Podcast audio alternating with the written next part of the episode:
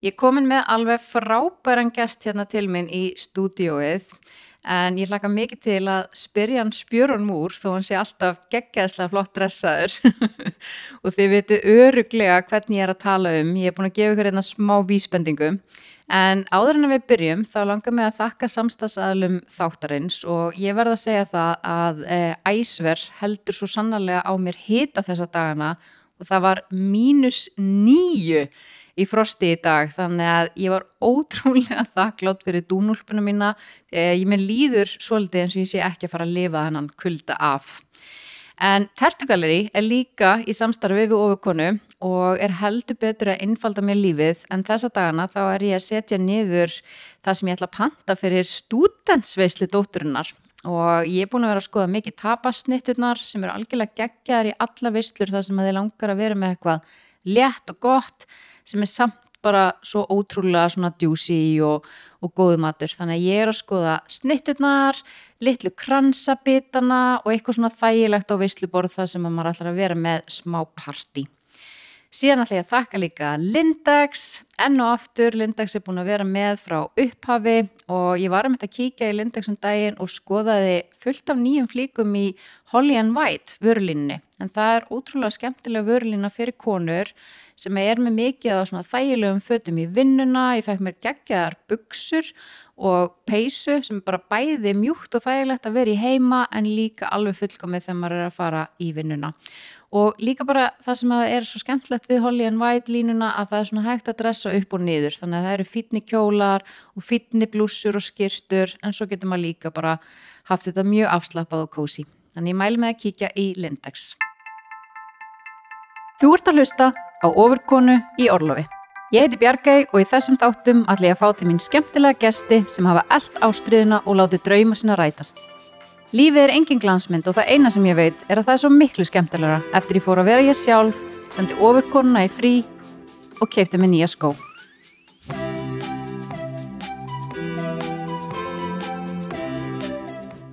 Er þið hjartanlega velkomin í ofurkonu í Orlofi, elsku gummi? Takk hella fyrir mig. Já. Ofurkonu í Orlofi. Nákvæmlega, er... finnst þetta ekki hljóma vel? Jó. Þú náttúrulega ert ofur sko og hérna átt svo sannarlega heima hérna í ofurkunnu. Takk, takk, fyrir að bjóða mér. Já, bara svo indislegt að þú varst til í að koma. Takk fyrir að gefa þið tíma. Það er sjálfsagt. Erðu, við hittumst náttúrulega mjög reglulega Já. og það er af einni ástæðu að þú ert náttúrulega besti kýrufróttur landsins Æ, og ég er uh, fastakunni. þú losnar ekkert við mig. Gott.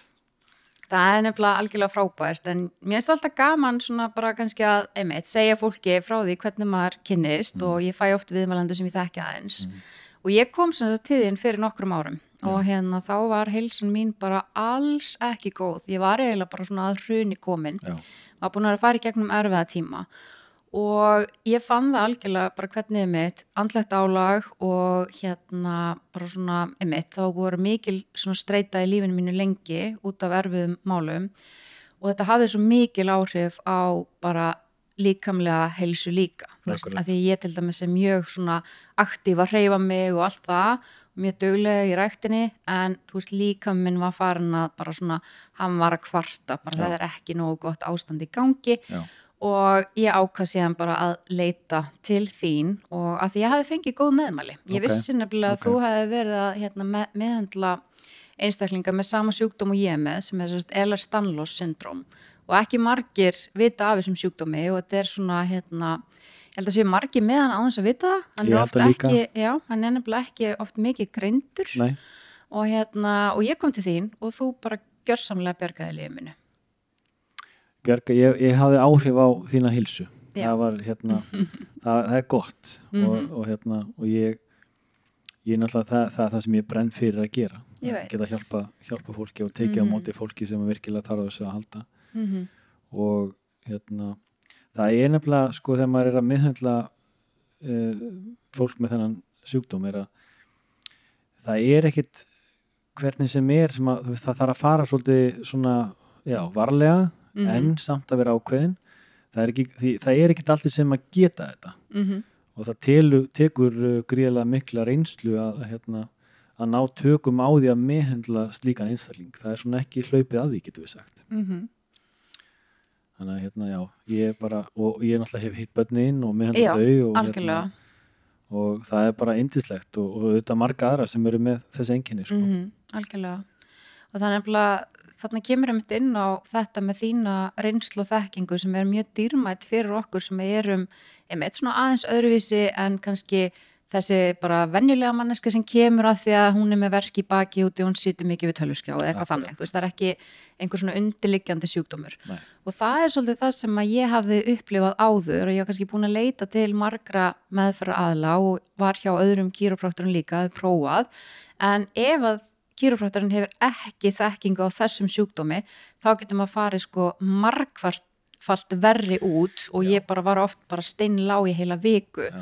og leti mitt vita þegar ég kom fyrst bara fyrir um rosalega rólega af því að ég bara hef farið til kýrufræktus og ég gæti ekki gengið í heila viku. Nei, einmitt. og það er nefnilega sko að því að málið þegar þú ert svona rosalega mjúkur í liðnum að, Mhm, að eins, og með, eins og bara með hálsin ég gæti nánast bara snúðunum öfugt sko. Mhm. en, en sko en triksið er í þessu er að, er að finna læsinguna þá hún sé mjög falin. Já, og að, hérna, að geta gert það te- tekur alveg langan tíma að þjálfa upp tilfinningu í höndunum fyrir. Einmitt. Af því að rauninni, það er svo mikil mýkt í kringum liðin Mhm. þó að sé þrýstingur inn í honum. Já, en þú þarft virkilega að ná þessum þrýstingi úr liðinu þó hann sé mjög mjúkur. Og það er svona, já, það þarf að fara svolítið ákveðnum, leiðum að því sko. mhm algjörlega og það er svo dýrmætti mitt fyrir mann þegar maður finnur einhvern sem að getur hjálpa manni af því að það skiptir svo miklu máli að þú veist, bara upp á öll lífskeiði að Algjörlega. maður svona einhvern veginn, þó að maður sé með undirleikandi sjúkdóm, að maður getur bara svolítið fungerað í Algjörlega. daglegu lífi og tekið þátt í samfélaginu, því það er það sem maður vil gera að þetta sé ekki að, að hamla því sem þú vilt gera mm -hmm. Því það, það svo sannlega ekki gera það sko. alls Einmitt. ekki En hvað er svona helstu vandamálinn sem að fólk kemur með til þín? Svona í þínu daglega starfi sem kýrópraktor. Hvað ertu helst að meðhandla? það er sko í rauninni bara svo rosalega fjölbreytt Mm uh, í rauninni allt frá því að það sem er algengast er veru, veist, bara verkir í kringum mjóbak og mjadmir um, verkir í kringum axlir og háls Mm -hmm. og alls konar einkinni þá eins og miklir höfverkir eða, eða verkir undir herðablöðunum þannig að það sé kannski einhver, einhver dóði út í aðra hendina eða e, svona einkinni eru mjög algeng Mhm. og eru henni hafa þróast út frá því að vera bara mm, stífur eða með verk í mjóbaki út frá því að vera kannski aðeins flóknari heldur en var áður ég held að það hafi bara með ákveðin svona breyting á, á, á lífstílsfólks Mhm. uh, og, hérna, og meira af eituröfnum sem við erum, erum, erum, erum, erum útsett fyrir dagstaglega, ég held að sé Mhm. bara meiri bólgur í okkur almennt eh, heldur en áður fyrr Já. og þess vegna eru þessi svona flóknu enginn ofta að koma upp þannig að mín mitt hlutverk er ofta að finna út úr í raun og veru bara hvað hvað er það í rauninni sem að býr til þessi enginni, hvað er rótin af því, Mhm. að því í rauninni þú komir inn með einhvern hnéverk eða olbúaverk eða, eða einhvern, einhvern leiðin út í litla putta eða höfverk þá er vandamál ekkert endilega þar það, það Mhm. kemur allt annars þar frá og þá er það svolítið mitt svona leynilöku hlutverk að finna út í Mm hvað er rótin Akkurat. og ég hef bara svo rosalega gaman að þessu Já.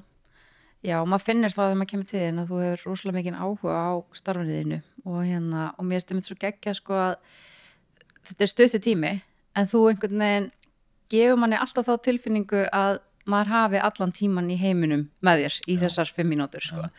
Það er mjög dýrmætt. Já, takk fyrir það það, það, það gleður mig að þú segir þetta því þetta skiptir mig svo miklu máli Mm -hmm. af því að ef, ef ég myndi segja við ykkur að þú hafir sex mínútur inni hjá mér Mm að þá skilur, þá skilur það enginn sem hefur ekki upplifað þetta og hérna, eða hvort það séu 5 mínútur eða 6 mínútur eða 8 mínútur það skiptir alveg máli, en þú færð bara þann tíma sem þú þarft Já. Og, uh, og þó hans í stuttur þá er hann samt það Mhm. góður eða jafnvel mikilvægur að, hérna, Mhm. að það sé nóg Mm þannig ég passa alltaf upp á það allir fá þann tíma sem þeir, sem þeir þurfa -hmm. en auðvitað er ég undir miklu álægi og það er mikið sótt uh, til mín sem ég er bara svo þakkláttur fyrir þannig að ég þarf Mhm. að koma öllum að sem að þurfa Já. þannig að hérna en já, tíminn er ekki aðalatrið það er bara gæðin og, og svo meðhaldum sem þú farið sko. Akkurat. En þá þarf ég að spyrja þið út í svona smá bara svona leinitryggs og þannig að þegar nú ert þú eins og eins og þú segir, þú ert mjög þétt bókaður, þú ert Já. að vinna mikið, Já. tekur á móti ótrúlega mörgu fólki, en þér virðist takast það að þegar þú ert í vinnunni, þá ertu á staðnum. Ég er að tala um andlega og líkamlega og þú gefur einstaklingunum sem að koma til þín allan þann tíma sem þeir þurfa. Já. Hvernig ferðu að þessu? Að því að nú fara margir í sína vinnu, alveg sama hvort að það er að vinna með fólki eða bara eitthvað og eru bara ekki með þessa orku til þess að geta bara verið algjörlega á staðnum og gefið allt í þetta. Hver, hvað er leinitriksið? Sko, ég held að sé bara svo samblanda mörgu en ég held að nummer 1, 2 og 3 þarf að hafa sko brennandi áhuga og, og gaman að því sem þú ert að gera. Mm -hmm. Ef þú hefur það, þá er það hellingur. Af því að ef að ég hef ekki lent, ég hef lent í því að stundum að, að, hérna, að ég fæ svona ok, ég er alveg til í að kannski vera heima í dag eða, eða gera eitthvað annað. Ég, er alveg, ég viðkynni það. Það Einmitt. alveg upp dagar. En, en, en í 98% tilvikna hlakka mig rosalega til að fara að vinna Já. og ég get ekki beðið eh, að að hitta fyrsta einstaklingin sem Mhm. kemur inn Mm og en til þess að ég sé lægi andlega þarf bara svo margt að hérna, uh, spila saman og kannski nummer eitt er bara mín uh, sambönd við Mhm. hérna, þá tala ég við, við, við til þess bara kæristunum mína -hmm. og við börnin mín og bara við fjölskyldunum mína Mhm. að, að það er í lægi að ég sé að rækta það og það sé mikil ást og, Mhm. og mikil ró yfir, yfir því að því Mhm. ef ég er að fara í vinnuna með einhvers konar einhvern ágreining eða eitthvað svo leis Mhm. þá, þá er ég ekki til staðar þá er, þá er hugurinn annar staðar. Uh, ef ég get fara að hreyfa mig á mótnana og, hérna, og tekið út uh, svona líkamlega hérna uh, já, líkamlega gæði og þá, þá skiptir það gríðarlega miklu máli því þá er ég mm, bara líkamlega tilbúin Einmitt. og hérna því það hangir bara saman í mínu starfi að geta verið andlega og líkamlega tilbúin Mm þannig að þetta eru svona þessi hlutir sem að sem að skipta mig rosalega miklu máli og þess vegna er ég svona miklu rútínu maður Já. það er bara, er einhvern veginn alltaf einhvern veginn uh, hólfað. Og, hérna, en þannig líður mér bara best. Einmitt, þannig að þú finnur einmitt að bara góð rútína, það er svolítið líkillin að því að vera í þessu jafnvægi sem að þú verðið svolítið svona að búa yfir. Þetta er svona, ég segi að stundum sko, ég held að gummi sé einn af þeim sem ég bara með mesta jafnar geð sem ég bara veit um. Og hérna og ég gerir svona smá grína þess að að ég hef líka alveg komið til þín og þá kannski bara daginn áður þú veist, var einhver umurlega frétt þú veist, á Já. einhverjum miðli, bara eitthvað svona, svona eitthvað gummi kýra og þessu astnælegur eitthvað, Já, bleið, þú veist, já, bara eitthvað svona eins og þú veist að kemur stundum. Og maður kemur til þín og þú ert bara brosandi eins og sólinn og bara hæ, hvað segir í dag? Og maður er bara, já, þú ert ekki búin að sjá það sem maður setja á neti Varst þú ekki Twitter í morgun? já, ég veit, ég veit þannig að ég held svona, já, þú allavega ert með einhvað, einhverja svona ró sem að, hérna, já þú greinilega hefur jafnaðið Já, ég hef það alveg og ég er alveg rosalega svona jákvæður og, og hérna og, og bara svona, já hef þetta, hef, þetta góða geð eða þetta góða lindi sem, Mhm. að, sem, er, sem er náttúrulega finnst mér bara heillandi í mannesku að hafa. Akkurat, og hérna en ég, ég er ekkert að segja að, ég hafi ekki, ég stundum er undirliggjandi kannski kvíði mm eða einhver pyrringur Mhm. og ég segi kvíða því að ég er oft með kvíða. Einmitt. Og hérna það er, það er ekkert margir sem vita af því og bara mjög Mhm. fáir sem vita af því. Og Mhm. hérna og því að ég hef auðvitað gengið í gegnum ímislegt í lífinu eins og allir aðrir. Mm en þegar ég er að vinna að þá fæ ég svo mikla orku til dæmis frá þér. Ef þú kemur til mín og þú Mhm. kemur með þitt sólarbros -hmm. þá nærist ég. Einmitt. Og ég reyna að næra þig tilbaka með minni orku. Og Mhm. þannig er bara einhvern veginn samspilið. Já, og sem betur fyrir er ég bara það heppin að, að ég næ sem betur fyrir að hjálpa fólki mm og þeim líður vel að koma. Þannig ég er eiginlega aldrei fánin að neikvæða orku inn tímin einmitt, einmitt. Þannig sem betur fyrir að þá, þá er það miklu bara auðveldar fyrir mig að halda þessu góðu, góðu orku uppi, mm held ég. Einmitt. og mér er svolítið gaman þú ert að lýsa þessu bara já, hérna, þú veist, það er eiginlega bara fólk með góða orku sem kemur til mín. Já, en ertu áttið á því einmitt að þú ert að laða að þér það sem þú ert að gefa frá þér? Já ég er búin að átta á því. Já, og hérna, ég vissi það ekkert alltaf. En, en, hérna, en að því að ég er búin að vera í svo mikil sjálfsunu einmitt. síðustu árin að þá er ég fara átt að með alls konar svona hlutum. Mhm. þannig að hérna, og að sjálfsögðu þá það sem við erum og hugsaum og gerum er það sem við drögum, le- löðum að okkur. Akkurat. Og hérna með hérna, power of attraction. Mm þannig, að, hérna, og alheimurinn sem stýrir öllu því sem að við erum að, að hugsa og gera. -hmm. að, hérna, það er auðvitað það sem ég hef tekið til mín síðustu árin og, og, og auðvitað hefur þessi sjálfsögna verið ógeðslega erfið Mm en, en svo nöðsileg -hmm. og, hérna, og hjálpa mann að koma á, á svona bara einhvern veginn rólegari stað, Mm get ég sagt Einmitt. Hvað finnst þér erfitt við að þú veist, horfast í augu sjálf á þig? í rauninu er að horfast í augu við kannski um, sjálfan sig og af hverju manni leið alltaf svona illa og af hverju var mann alltaf svona reyður hvað er það sem að gera það verkum að að maður var alltaf með hann að kvíða og Mhm. er oft með hann að kvíða.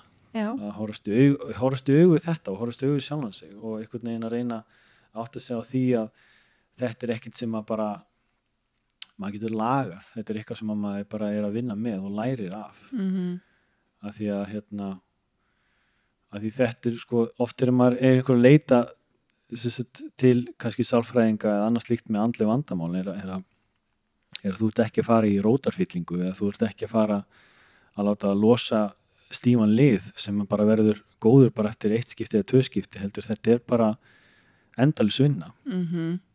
og, hérna, og það er erfitt, það er úkslega erfitt Mm -hmm. að, að, að þegar maður skilur það að þetta er eitthvað sem maður þarf að díla við aftur og aftur Mhm. og ég held um þetta margir kannski þegar svona átta sig á þessu taka þá einmitt ákvörunum bara nei, ég ætla ekki að fara lengra veist, ég bara, þetta er of erfitt og nú bara bakka ég út og ég held að mjög margir hætti á þessum tímapunkti í sjálfsvinnu og bara svona skoða sig Ég er sammála og ég hef hætt oft mm Mhm. og mörgum sinni sjálfur sko. Já. Lent kannski komið á einhvern stað þar sem að einhver segir mig, gummi, sko þetta er næsta skref. mm -hmm. Ég bara, veistu það, ég er ekki að fara í þetta skref sko. Það er bara allt og erfitt fyrir mig.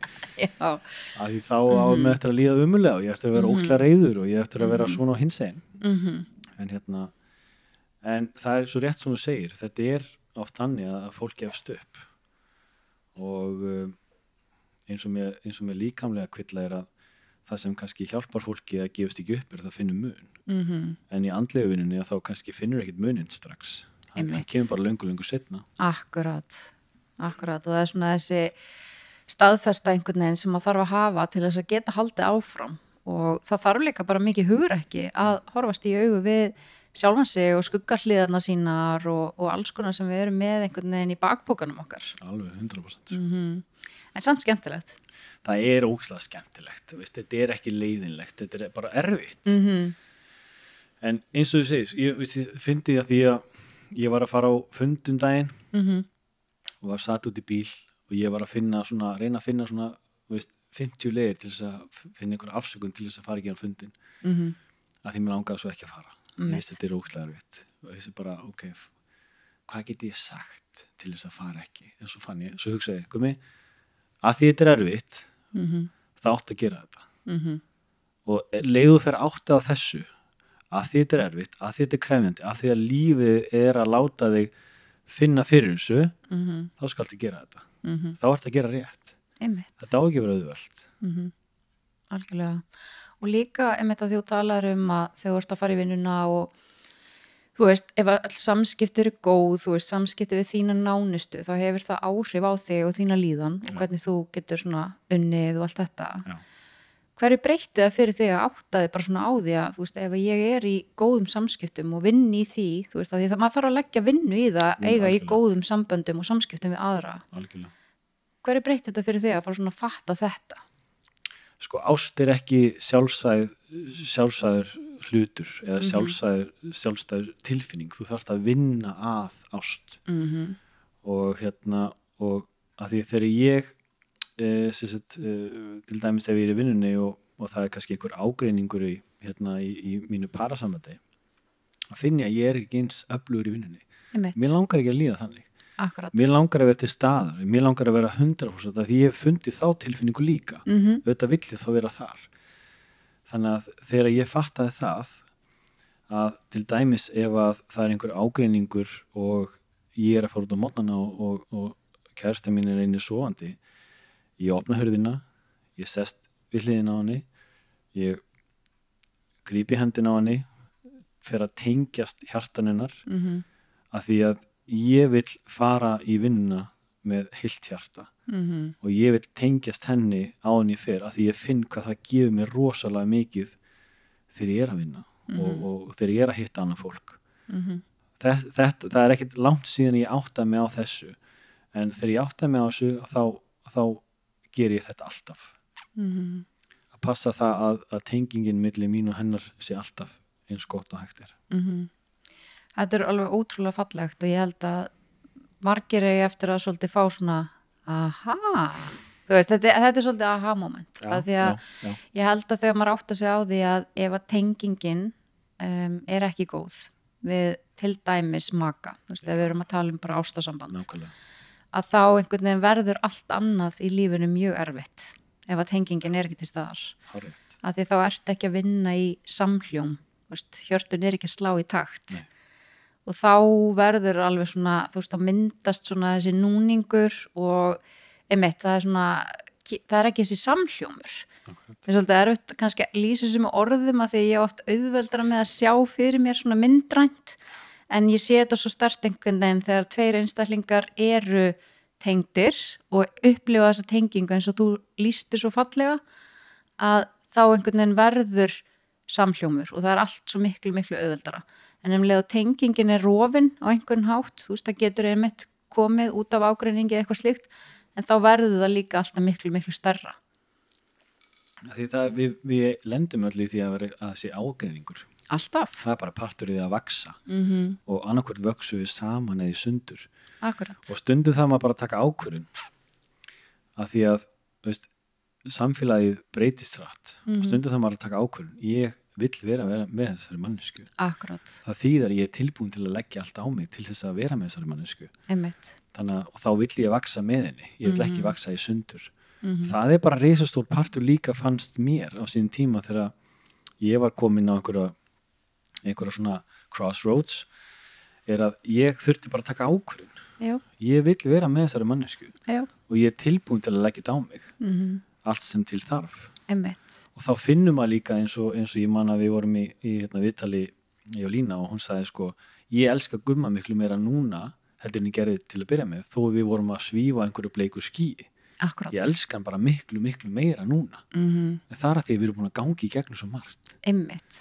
Þetta er að falla held ég við svona parasambönd og, og, og auðvitað gengur þetta ekki mjög oft og, og allt það og, og statistík og tölur um það en, en þetta, er, þetta, er, já, þetta er mikilvægt fyrir mig. Mm Já, ég tengi bara mjög við það sem þú ert að segja og, og ég held einmitt að hérna maður getur ekki haldið áfram að þroskast og bara vaksa sem manneskja ef að manni líður ekki vel í sambandinu sem maður er í af því að sambandi sem maður og bara tíminn sem maður eyðir með annari mannesku að eyða lífinu með og ganga saman innan lífsins veg að ef þið líður ekki vel í sambandinu að þá getur þér heldur ekki líðið vel sem mannesku alveg hárétt mm og svo finnst mér alltaf svolítið svona þessi svona ákveðin myndlegging sko að þú hugsar um sambönd svolítið svona eins og koll svona sem þú getur sest á sem er með þremur fótum. Þú, veist, þú verður alltaf að- hugsa um allar þessar þrjár stóðir það eru einstaklingarnir sjálfur þá einhverju tveir einstaklingar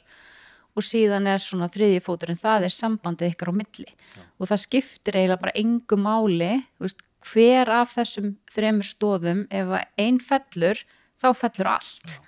Þannig að maður þarf nefnilega líka að vera tilbúin í, í sambandi að ef að makin manns er að upplifa eitthvað mjög erfitt og maður er að finna bara ok, það er hérna við erum ekki í góðri tengingu núna að þá þarf maður einmitt líka að vera tilbúin að koma á móti og segja bara, herðu, ég finn að það er eitthvað núna sem að þú veist, þú ert að upplifa eða eitthvað, veist, get ég stutt við það? Er það eitthvað sem tengist mér eða er það bara eitthvað allt annað? Og Algjörlega. koma, þú veist, saman til þess að skoða, er það eitthvað sem við getum unnið að eða er þetta eitthvað sem að þú persónulega, ég persónulega þarf að vinna með hjá mér? Já. get ég aðstofa þig? Mm -hmm. þarftu að ég, vilt að ég bakki? Vilt að ég sé Mhm. hjá þér? Það er svo mísað bara hver er sko, eins og ég er þannig ég bakka. Mhm. ég fer til hliðar. Ég, ég, sko, ég einangra mig. Mhm, að meðan að lína hún er, veist, hún er, allt, hún hins einn, hún, hún er bara í veist, skilur, ég finn orkuna eina þú veist, hvað er að, hvað er að, hvað er að hvað er að, hvað er að, Mhm. skilur og ég bara, veist, úff, ég þarf bara mér Mhm. 20 mínútur. Mhm, þú veist, gef mér það. Svo, svo get ég að tala við þig. Já, en, en þarna þarf bara þurfa að pura að finna sína dýnamík og, og, og finna svona sinn takt í þessu. Ég svo það er oft sér líka bara við erum bara svo ólík og bara ólík hvernig við virkum. Mhm. þannig að hérna þannig að þetta er, þetta er bara svo áhugavert allt saman. Það er það, það er virkilega gaman og gaman að spjalla við um þetta og mér er svo skemmtilegt sko hvað þú ert opinn bara einmitt um alla þessa vinnu sem þú ert að leggja í heilsunaðina, í sambönd við fólki þitt og bara einhvern veginn svona um, ert opinn með það að þú sért bara að vinna í sjálfum þér, hvort sem að það er andlega, líkamlega og allt þetta. Og ég hef einmitt talað við þig áður um það, mér finnst sko svo skemmtilegt hvernig þú deilir inn á hérna, samfélagsmiðlum bara frá því sem þú ert að fást við í daglegu lífi bæði heilsutengt, vinnutengt og svo náttúrulega hefur óbílandi áhuga á tísku og hönnun. Og ég hef stundum velti fyrir mér sko hvort að sé tabú fyrir kallmenn að tala ofinbarlega um til dæmis líðan og tilfinningar. Hvað finnst þér? Já, veist, um, já, ég myndi alveg potið svaraði já, af því að við, við kallmenn gerum það ekkert mikið Mm og hérna, og þeir sem eru gerðir það eru ofta standir fyrir það og veist, á neikvæðan hátt. -hmm. Um, ég, sko, ég er rauninni deili því sem að mér finnst svona, ég sko þurfa að deila en, en, en líka kannski til að vera kvartning þannig að ofta er ég, ég er að deila einhverju þá er kannski svo meining á bakvið að ég er að vona að einhverju þá læri af því Mm peppist við það eða þá að það sé að fylgjast með einhverju ferli hjá mér sem ætti þá kannski að vera áhugavert.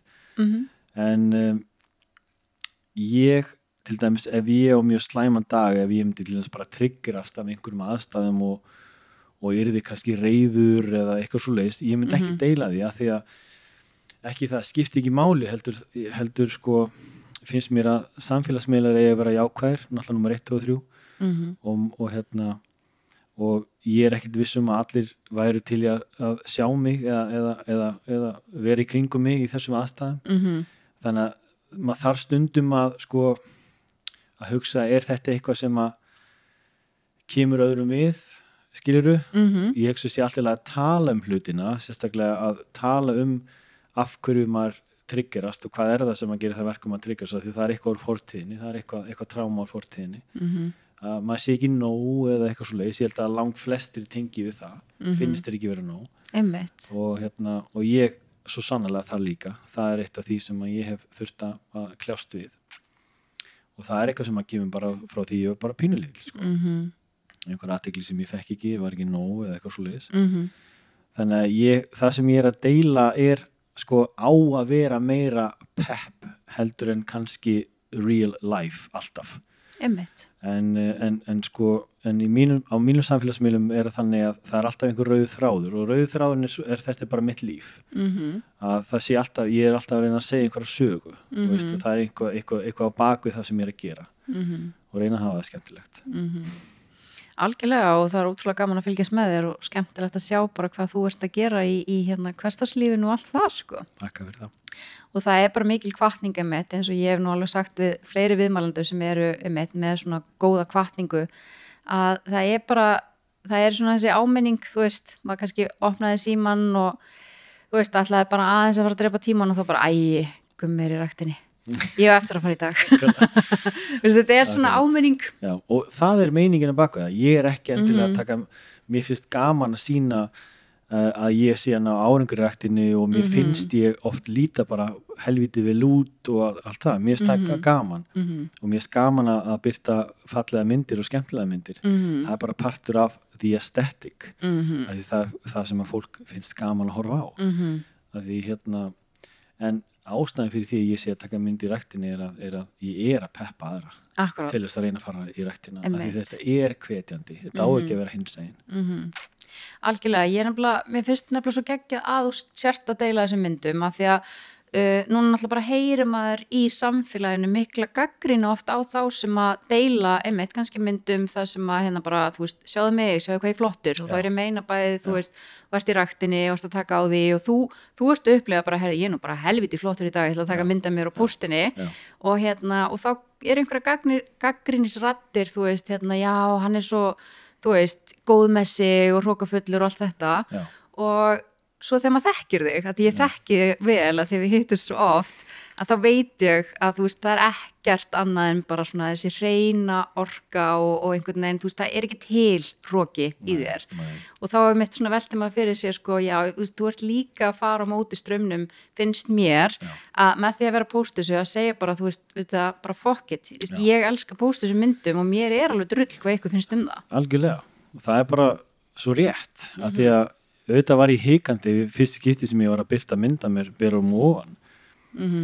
og maður stundum sé upp, ok, það er svona margir búin að sjá þetta. Og svo skrolla maður niður listan maður bara, oh my god.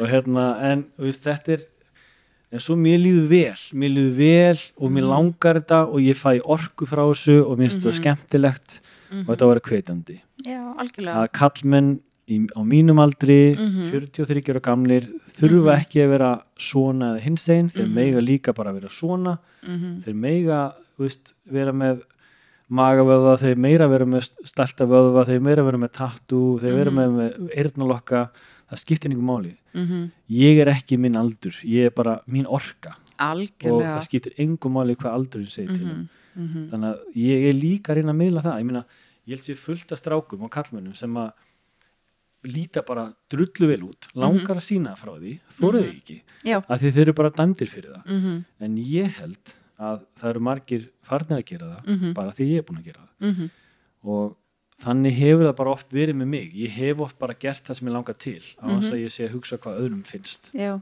algjörlega og það er geggja og ég held líka að þú sett meiri trendsetter sko en þú gerir þér oft grein fyrir og ég ætla að taka eitt dæmi sem ég finnst nefnilega bara svo hilarious að það er að hérna, ég fór eins og sem sagt á ásatíð í hérna stóru fyrirtæki þar sem maðurum er vinnur. Og það kom einhver svona umræða á tímapunkti þar sem að einhver maður var sérst að halda á tösku bara fyrir konuna sína, þú veist, hún hefði eitthvað skotist frá og hann hjælt sérst á töskunni. Þá kemur annar og segir bara eitthvað hvað Gummi Kíró bara mættur, ertu með tösku með þér, eitthvað svona. Og hann alltaf bara eitthvað hlær og bara eitthvað æ, nú bara halda þetta sem fyrir konuna, eitthvað svona.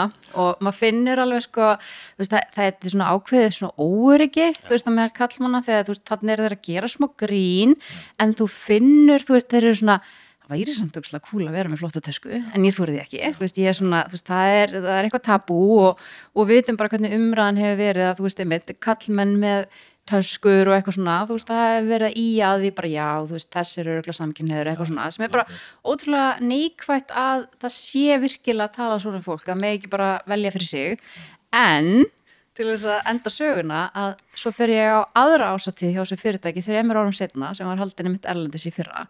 Risastóra ásatíð, þú veist, 300 eitthvað manns. Ég sá fimm karlmenn á þessari ásatíð geggja dressa með tösku og þeir voru ekki að halda töskunni fyrir konuna sína. Þú veist, þetta voru svona herratöskur. Já, og mér fannst þetta svo geggjað því ég var svona mhm, mhm. Ég fæ alveg gæstu að sko, ég, ég veit að þetta er svona. Mhm, Vist, ég, ég fylgist alveg með og ég fæ ég hitti fullt af fólki mhm, út í, út í bæ eins og maður segir. Og það hafa fullt af kallmennum komin tímin mhm, og hérna að því þegar við tölum um þetta neikvæða mhm. ég hef oft sagt að það er bara 10% af því sem ég fæ að heyra. Ég fæ að heyra 90% ákvætt. Akkurat. Það má ekki gleyma því. Mhm, og, og, og sjá kallmann kom inn með kannski Gucci tösku eða eitthvað og, og hann kannski sér minn í búnusklega og segir hægumi, hérna Ég, hérna, ég fæ rosalega mikið að hérna, hrósi fyrir töskuna, ég veist, ég finnst þú geggjuð og svo Já. gaman að sjá hvað þú er mikið af töskum og þið skilur já, já, já og eitthvað svona, þetta, Mhm. þetta skiptir einhver máli í, í, í stóru samhengi mhm, en það bara skiptir hann miklu máli Mhm. og þá, þá, er, þá er það sem að, ég hef gert allavega mhm hef haft einhver góð áhrif Já, sko, þú ert að hafa þessi áhrif að, að því þú segir bara, veist, ég má bara vera eins og ég vil vera. Já. Þá ert þú að gefa öðrum líka leifi að gera það. Að því það er erfitt að fara á móti því sem er bara svona mainstream. Það er erfitt að því að um leið og þú ert aðeins svona meira öðruvísi heldur en að það er svona ákveðið þolmörk fyrir þá verður þau skotmark að bara svona, já, þú veist, hann er svona og hann er hinsegin og, og hérna, en þegar að þú bara stendur með þér og ert bara, herðu, veist, mér finnst bara geggja að vera með flotta töskur. Mm.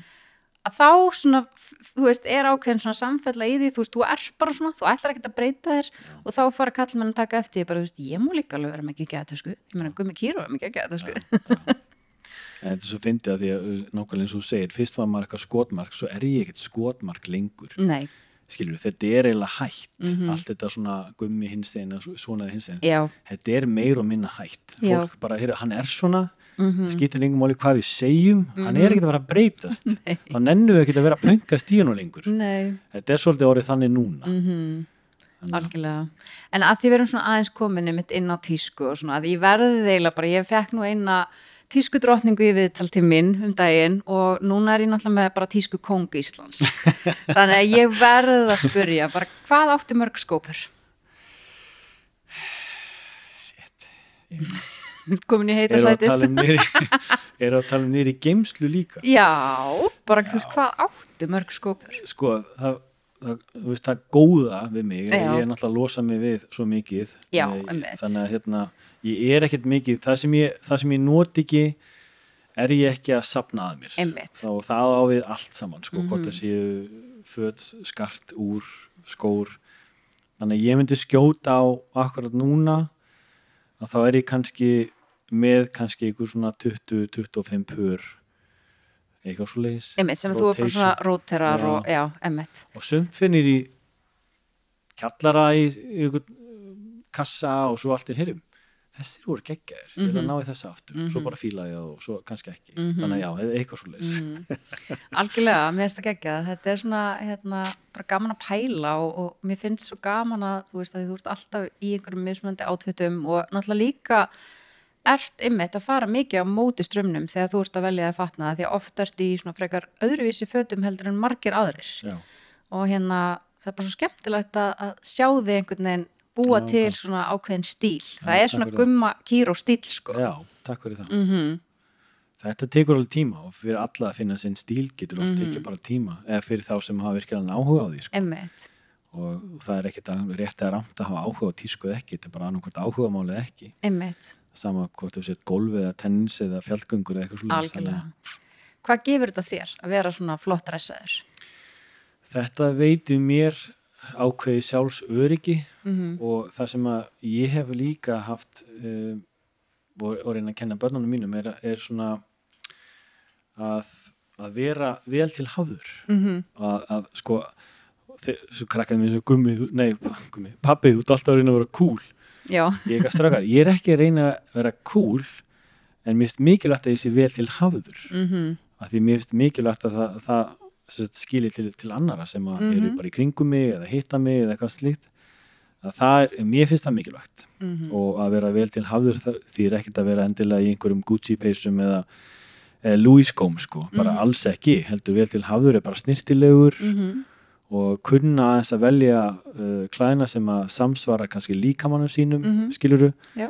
og hérna og stundum langar mann að sína eitthvað meir en annað, veist, Mhm. eins og hvort þessu axlir eða rass eða læri eða skiluru Mhm. þannig að og þá getur maður svona valið aðeins út úr því Emmett þannig að það er svona, þetta, þetta veitir mér bara mikið sjálfsöryggi mm Mhm. þessi, þessi klæðnaður mm Og ég hef með tekið eftir líka svona, minnst þetta að vera svona partur af þinni tjáningu líka svona orkan sem þú setur frá þér og úr svona mismöndi dressum og, og hérna, Já. maður finnir það einhvern veginn þetta er svona ákveðið tjáninguform já það er það virkilega -hmm. og ég minna ég er oft búin að skipulegja að viku fram í tíman í hverju ég ætla að vera því ég er kannski í okkur stöði eða eitthvað svo leiðis Mhm. ég breyti mjög sjaldan um ég ætla að fara, frekar að fara í þetta í Mhm. dag eða, eða nei, mér líður, ég ætla að fara í þetta ég er oftast búin að skipulegja þetta Mm -hmm.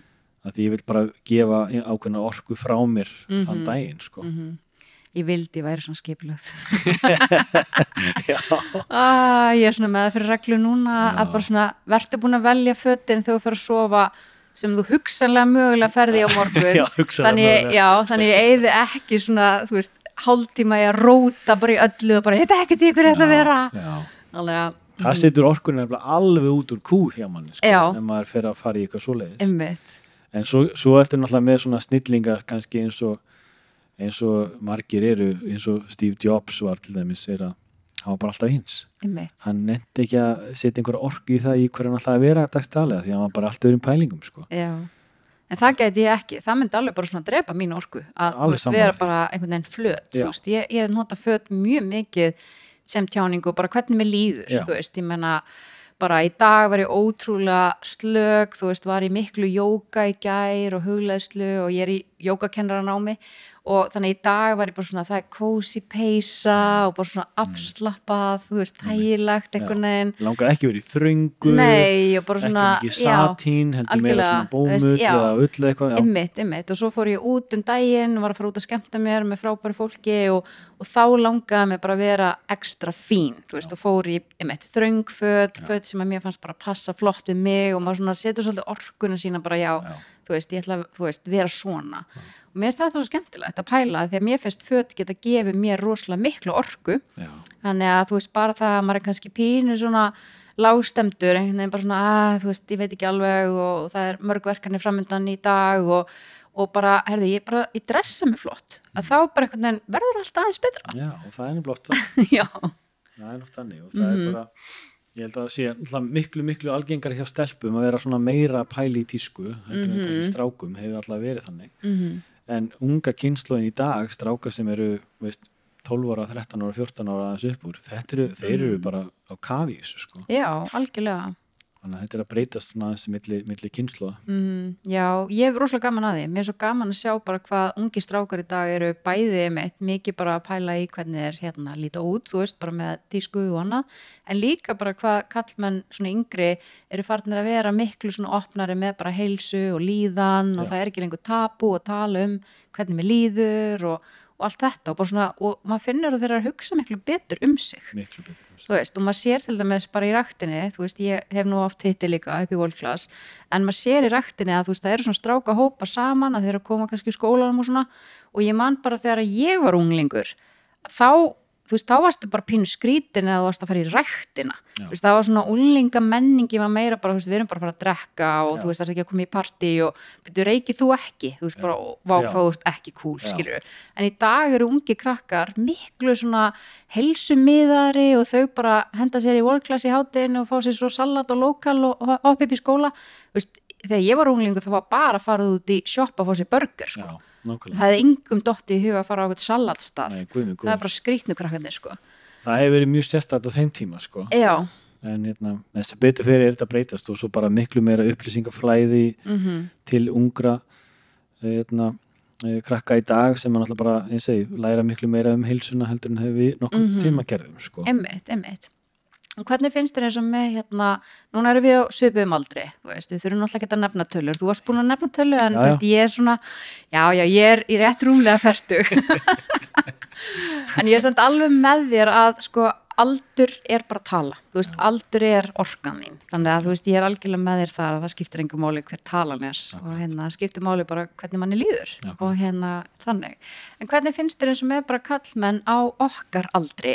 Sem að þið mitt, ólust svolítið upp við þetta við tölum ekki um tilfinningar, við erum ekki mikið að pæli hils og svona, það er astnalegt hvernig finnst þér kallmenn í dag á þínum aldri vera, eru þeir að opna sig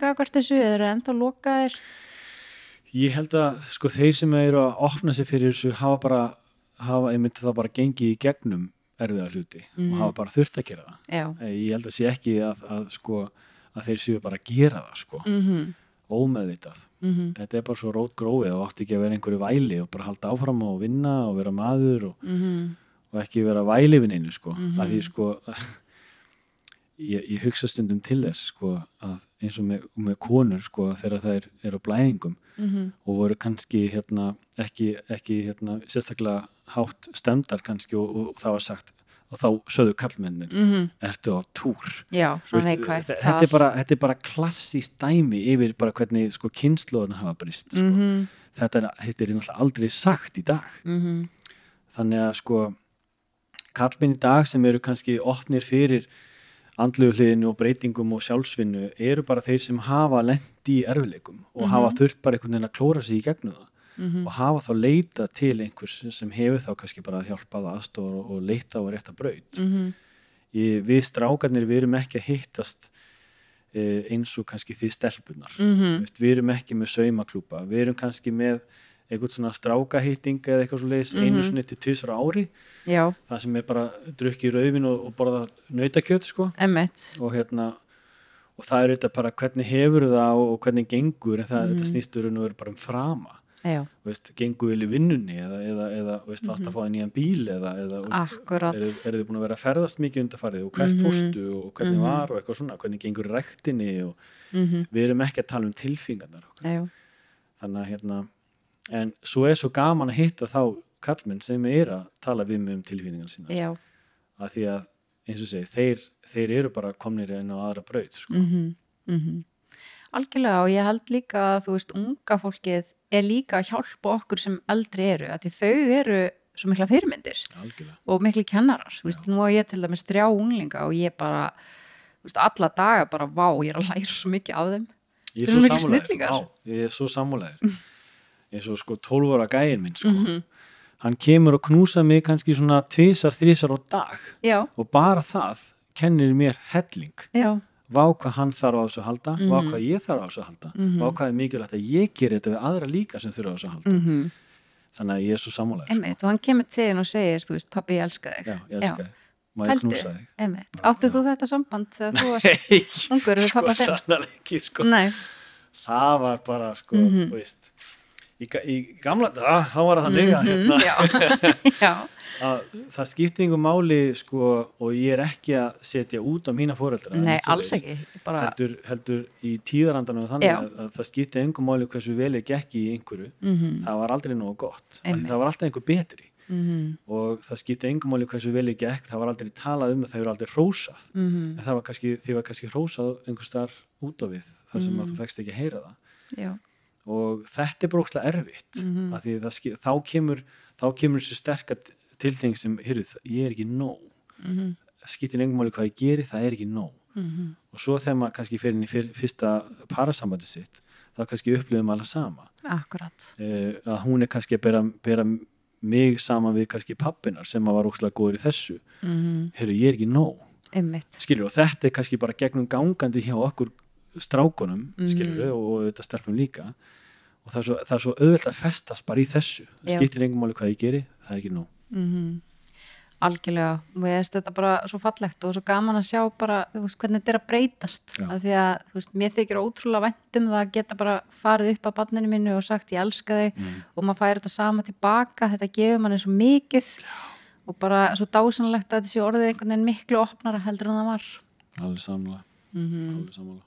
En við förum nú svona að slá botnin í þetta þó að við gætum með þetta talað endalaust. Það er samt mjög skemmtilegt að sitja hérna með þér og vita að ég hafi svona cirka klukkutíma að því að ég er alltaf á þessum fimm mínútum þegar ég hittustu hjá þér. Þá er ég alltaf bara, ok, ég þarf að ná þessu fimm mínútum ég þarf að segja hún frá þessu og svo þarf ég að segja þetta. Og svo alltaf byrja þú að tala og, og þá þú veist, verðum við bara eitthvað, oh my god, oh my god, tíminn. Ok, við verðum að hittast. Þannig að þetta er, er mjög skemmtilegt, það er búin að fá að svona, já, þurfum ekki að hérna, henda þér út. Nei, það er bara þægilegt tíminn líður svo hratt þegar maður er að tala um svona skemmtilega hluti. Já, algjörlega, en hvað er svona skemmtilegt framöndan hjá þér á árinu? Við erum með náttúrulega bara hérna í janúar Já. og margt nýtt framöndan og það er sko já. Það er bara alls konar sko, nú fer ég auðvitað bara í frama mm þegar ég hugsa um hvað er framöndan Já, og það er bara margt skemmtilegt framöndan Ok. og hérna, fullt af skemmtilegum áhugaverum verkefnum sem að ég er að reyna að, að byrja á og, og fara að stað með og, Mhm. og, og þar á meðal hérna, podcasti mitt sem ég er sjúklega gaman að vera með. Mér er svo skemmtilegt að að ræða um þessa hluti já, og fræða aðra. Já, og uh, já, og svo er alls konar svona hlutir í, í kringum bara mín áhugamál sem, að, sem ég er að fara að stað með ok. sem ég get ekki sagt akkur núna en Nei, bara von bráðar mm. og hérna, já það er bara svona ímislegt Mm Og er einhver ferðalöga árinu plönuð? Já, það Mhm. líður nú aldrei langt Nei, en, uh, en ég setti sjálf mig í ferðabann uh, janúar og februar sjálfs skipað ferðabann byttu nú. Hvað? það var náttúrulega ekki eðlilegt hvað ég var að ferðast mikið í síðustu 2-3 mánuðin á síðust ári þannig að, Ok, hérna, ok. þannig að hérna, og að því maður að sína frá uh, lífinu sín á samfélagsmiðlum og þá Mhm. var þetta orðið frekar óðurleg þannig að ég ætla að vera að fókusera á aðra hluti núna og vera að ferðast minna en uh, það eru Parísferðir og, og, og sólarferðir og annað slíkt sem Mhm. eru, eru framöndan þessu ári mm sem er bara mjög skemmtlegt Emmett. Mér langar að spyrja það aðeins út í París af því að hún á að mitt sérstakann staði mín í hjarta. Hvað er það við París sem að dregur þig þanga? Svona oft. það er bara fegurðin Mm -hmm. og hérna og, uh, og fólkið maturinn, Já. það er svona það sem drifur mig að Mm og auðvitað hún, hún er borgin alltaf bara þannig að það, veist, þú getur auðvitað bara farið á öllum tímum, tímum árs og upplifið eitthvað allt öðris og nýtt Mhm. og hún er alltaf bara einhvern veginn ótæmanleg Já. þannig að hérna þó ég sé heila nákvæmlega heila alltaf á sömu stöðunum það sem ég elska að Já, á já, já. en ég þarf að fá það líka það ég þarf að fá það líka Mm -hmm. þannig að það er unnið þess vegna sko. Já, algjörlega. Það er einhvern veginn þegar þú ert að lappa um götur Parísar, það er bara fegurð á hverju hotni. Þetta er eiginlega svona, mann finnst svolítið eins og maður sé lappa í einhverjum svona öðrum heimi. Já, Svona annar þér Og Frakland er líka bara mjög skemmtilegt að heimsækja, veist, skemmtileg svona matar og vínmenningarna og bara, já, mér stæðislegt að koma hana.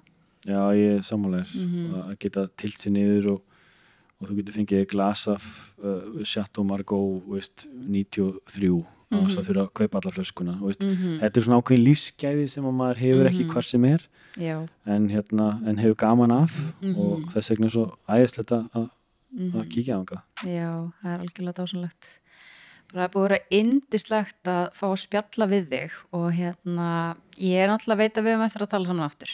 Jú, jú, Við náttúrulega erum alltaf að plana eitthvað skemmtilegt, Akkurat, þannig að sko. hérna, Akkurat, þetta er ekkert síðasta spjallið okkar. ó nei, ó nei Þannig að bara takk svo mikið fyrir að koma og segja mig frá öllu sem þú ert að, að hérna, gera og upplifa og bara æðislegt að fá svona að gefa hlustendum aðeins svona insinn inn í held ég persónuleikan þinn og mér finnst bara alltaf svo gaman, veist, ég elska að segja fólki bara já, þú veist, þegar það fer eitthvað svona að segja já, gummi kýr og þetta eða hitt, ég bara já, nei, nei, nei, nei, nei. ég skal segja hvernig gummi kýr er Já, Mhm. það er það eru ekki margir sem vita hvernig ég er en þeir sem skipta mér máli vita það. það er það sem skiptir öllu máli dásanlegt, takk Takk kjærlega fyrir mig